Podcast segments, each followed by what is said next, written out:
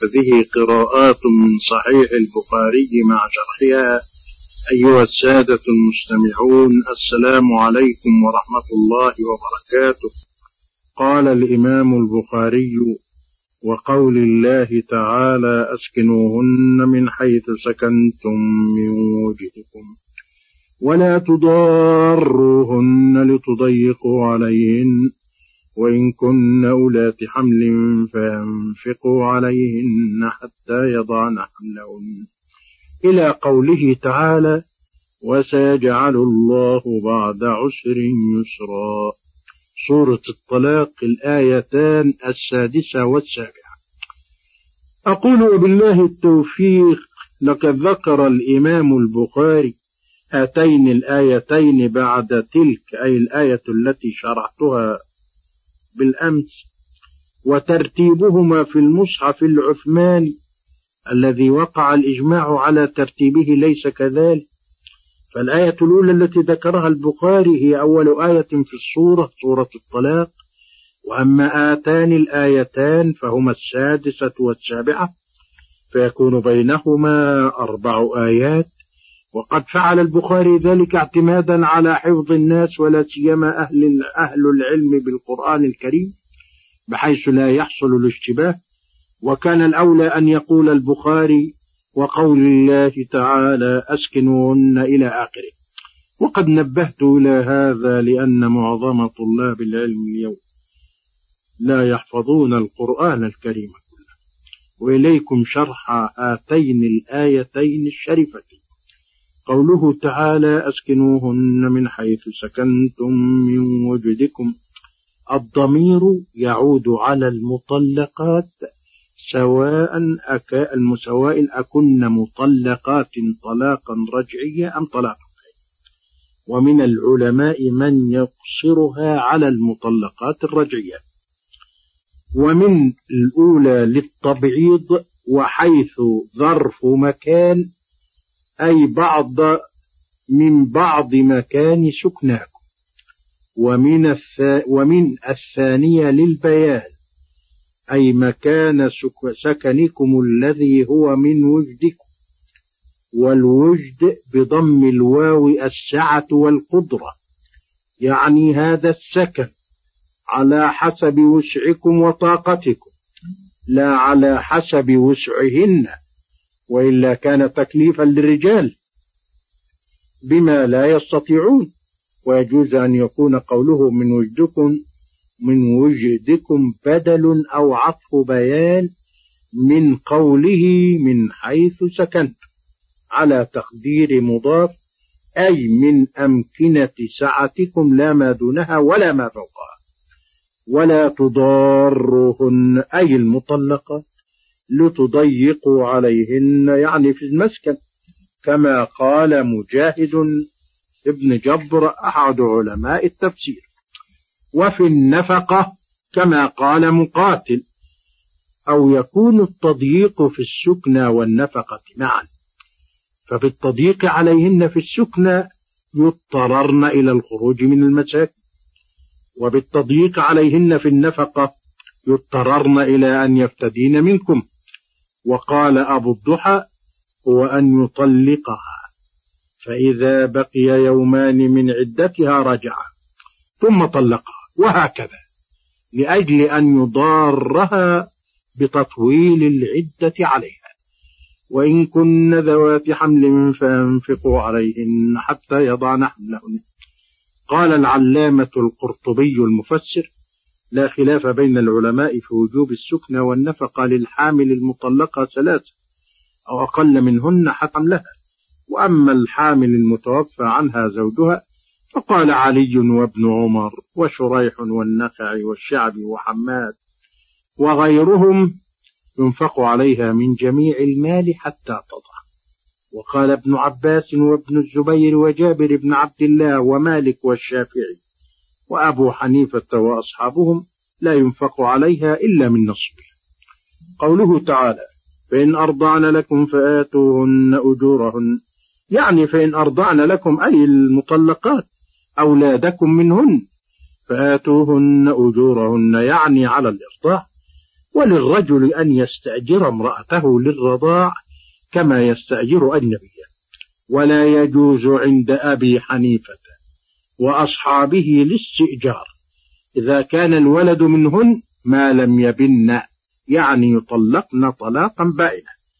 ويجوز عند الشافعي وآخر ومذهب أبي حنيفة أيسر على الأزواج ولا سيما عند الإعسار وأتمروا فيما بين بينكم بمعروف.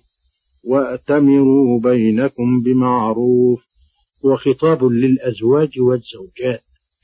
والمعنى ليأمر بعضكم بعضا بما هو معروف غير منكر وجميل غير مذموم.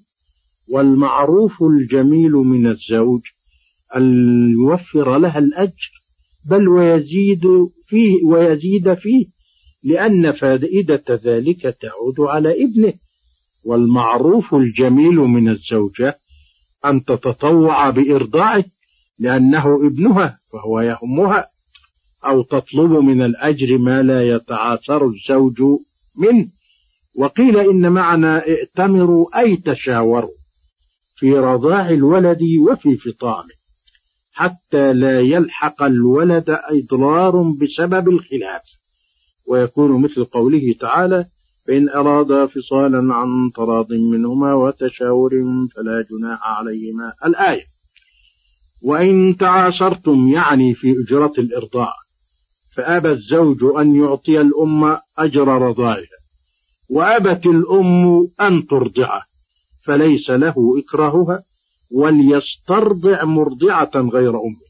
وهذا هو معنى قوله تعالى فسترضع له أخرى وهو خبر في معنى الأمر وهو أبلغ من صريح الأمر كما قلت مرارا فإن كان الوالد معسرا أو امتنع الولد عن أخذ غير ثدي أمه اجبر اجبرت الأم على الإرضاع وقد اختلف العلماء في من يجب عليه رضاع الولد على ثلاثة أقوال. الأول رضاع الولد على الزوجة ما دامت الزوجية إلا لشرفها وموضعها فعلى الأب رضاعه يومئذ في ماله يعني بالاستئجار.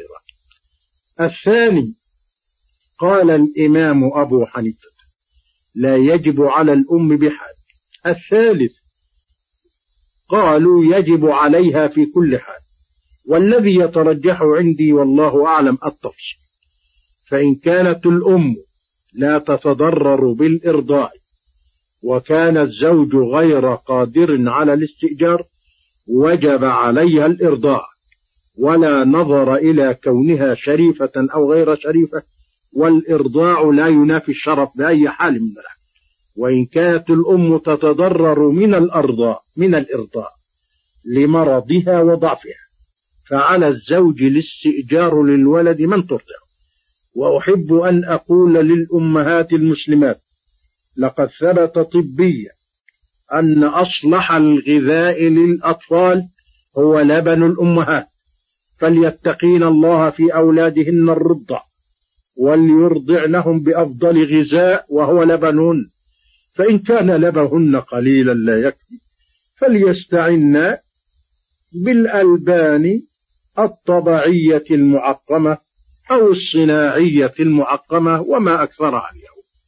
وفي هذه الخلافات بين العلماء في الفروع الفقهية ما يجعل الدين الإسلامي صالحا لكل زمان ومكان ولكل البيئات واختلاف أحوال الناس وظروفهم. ولا عجب فهو الدين العام الخالد الذي أنزله الله كفاء لحاجات البشر إلى يوم القيامة. ثم بين الله تبارك وتعالى القاعدة التي ينبغي أن تتبع في إنفاق الزوج على زوجته التي في عصمته وعلى أولاده وفي إنفاق الزوج على النساء المطلقات طلاقا رجعيا أو بائنا. وعلى المرضعات للأولاد فقال عز شأنه لينفق ذو سعة من سعته ومن قدر عليه رزقه فلينفق مما آتاه الله. فالعبرة في باب النفقات يسار الزوج أو إعساره ومعنى ذو سعة من أي ذو غنى من غناه. ومن قدر عليه رزقه أي ضيق. قال الله تبارك وتعالى إن ربك يبسط الرزق لمن يشاء ويقدر. يعني ويضيع. مما آتاه الله أعطاه الله كثيرا كان أم قليلا. وأما مراعاة حالة الزوجة ويسارها في النفقة فمن العلماء من اعتبرها ومنهم من لم يعتبرها. ثم بين الله تبارك وتعالى أن تقدير النفقة بحال الزوج يسرا وعسرا هو الذي يتفق والحكمة في التكاليف. لأن المكلف لأن وأن المكلف لا يكلف إلا بما يكلف فقال عز شأنه لا يكلف الله نفسا إلا ما آتاها. لا يكلف الفقير من النفقة مثل ما يكلف الغني. ثم وعد الله تبارك وتعالى المنفقين على من يجب عليهم الإنفاق عليهم إلى من يجب عليهم الإنفاق عليهم مع فقرهم وعسرهم خيرا. فقال سبحانه سيجعل الله بعد عسر يسرا يعني بعد الفقر غنى وبعد الضيق يسارا وسعة وهذه الآية لينفق ذو سعة من سعته وقوله على الموسع قدره وعلى المقتر قدره. في سورة البقرة تعتبران الأصل في الإنفاق في الإسلام. ويعجبني في باب النفقة قول الإمام الشافعي رضي الله عنه النفقة مقدرة محددة ولا اجتهاد لحاكم ولا لمفتن فيها وتقديرها هو بحال الزوج وحده من عسره ويسره ولا يعتبر بحالها أي الزوجة وكفايتها. قالوا فيجب لابنة الخليفة ما يجب لابنة الحارس وهو كلام من الحسن بمكان وإلى شرح القراءة التالية غدا إن شاء الله. والسلام